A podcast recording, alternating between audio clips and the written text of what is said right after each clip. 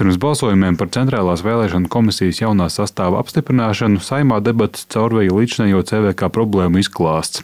Tajā skaitā darbinieku un finansējumu trūkums. To savā uzrunā uzsvēra arī saimnes deputāte Skaidrīta Ābram no progresīvajiem. Diemžēl iestādi, kas arī ilgi turēta bada maizē un lūdzējas lomā.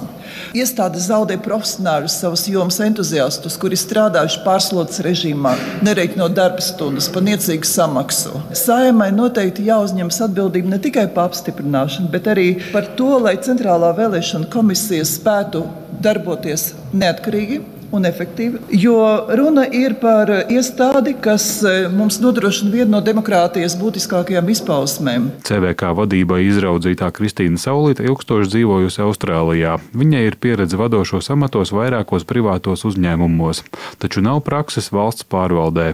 Taču, esot Pasaules Brīvo Latviešu apvienības vadītājai, Saulīta esot kontaktējusies ar dažādām valsts iestādēm.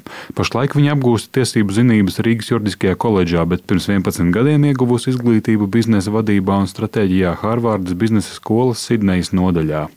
Vairāki deputāti gan norādīja, ka Saulīte ir vienīgā kandidāta uz šo amatu un novēlēja saglabāt viņai politisko neutralitāti.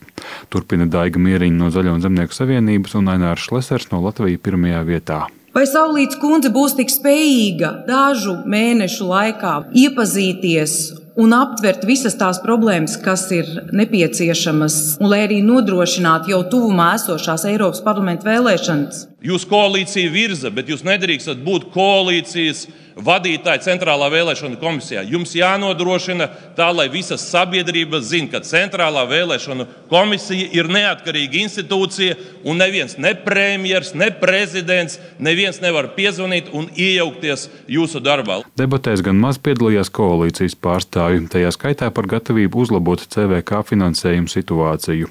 Jaunās komisijas pirmais lielais pārbaudījums būs Eiropas parlamenta vēlēšanas nākamā gada pavasarī. Jānis Kincis, Latvijas Radio.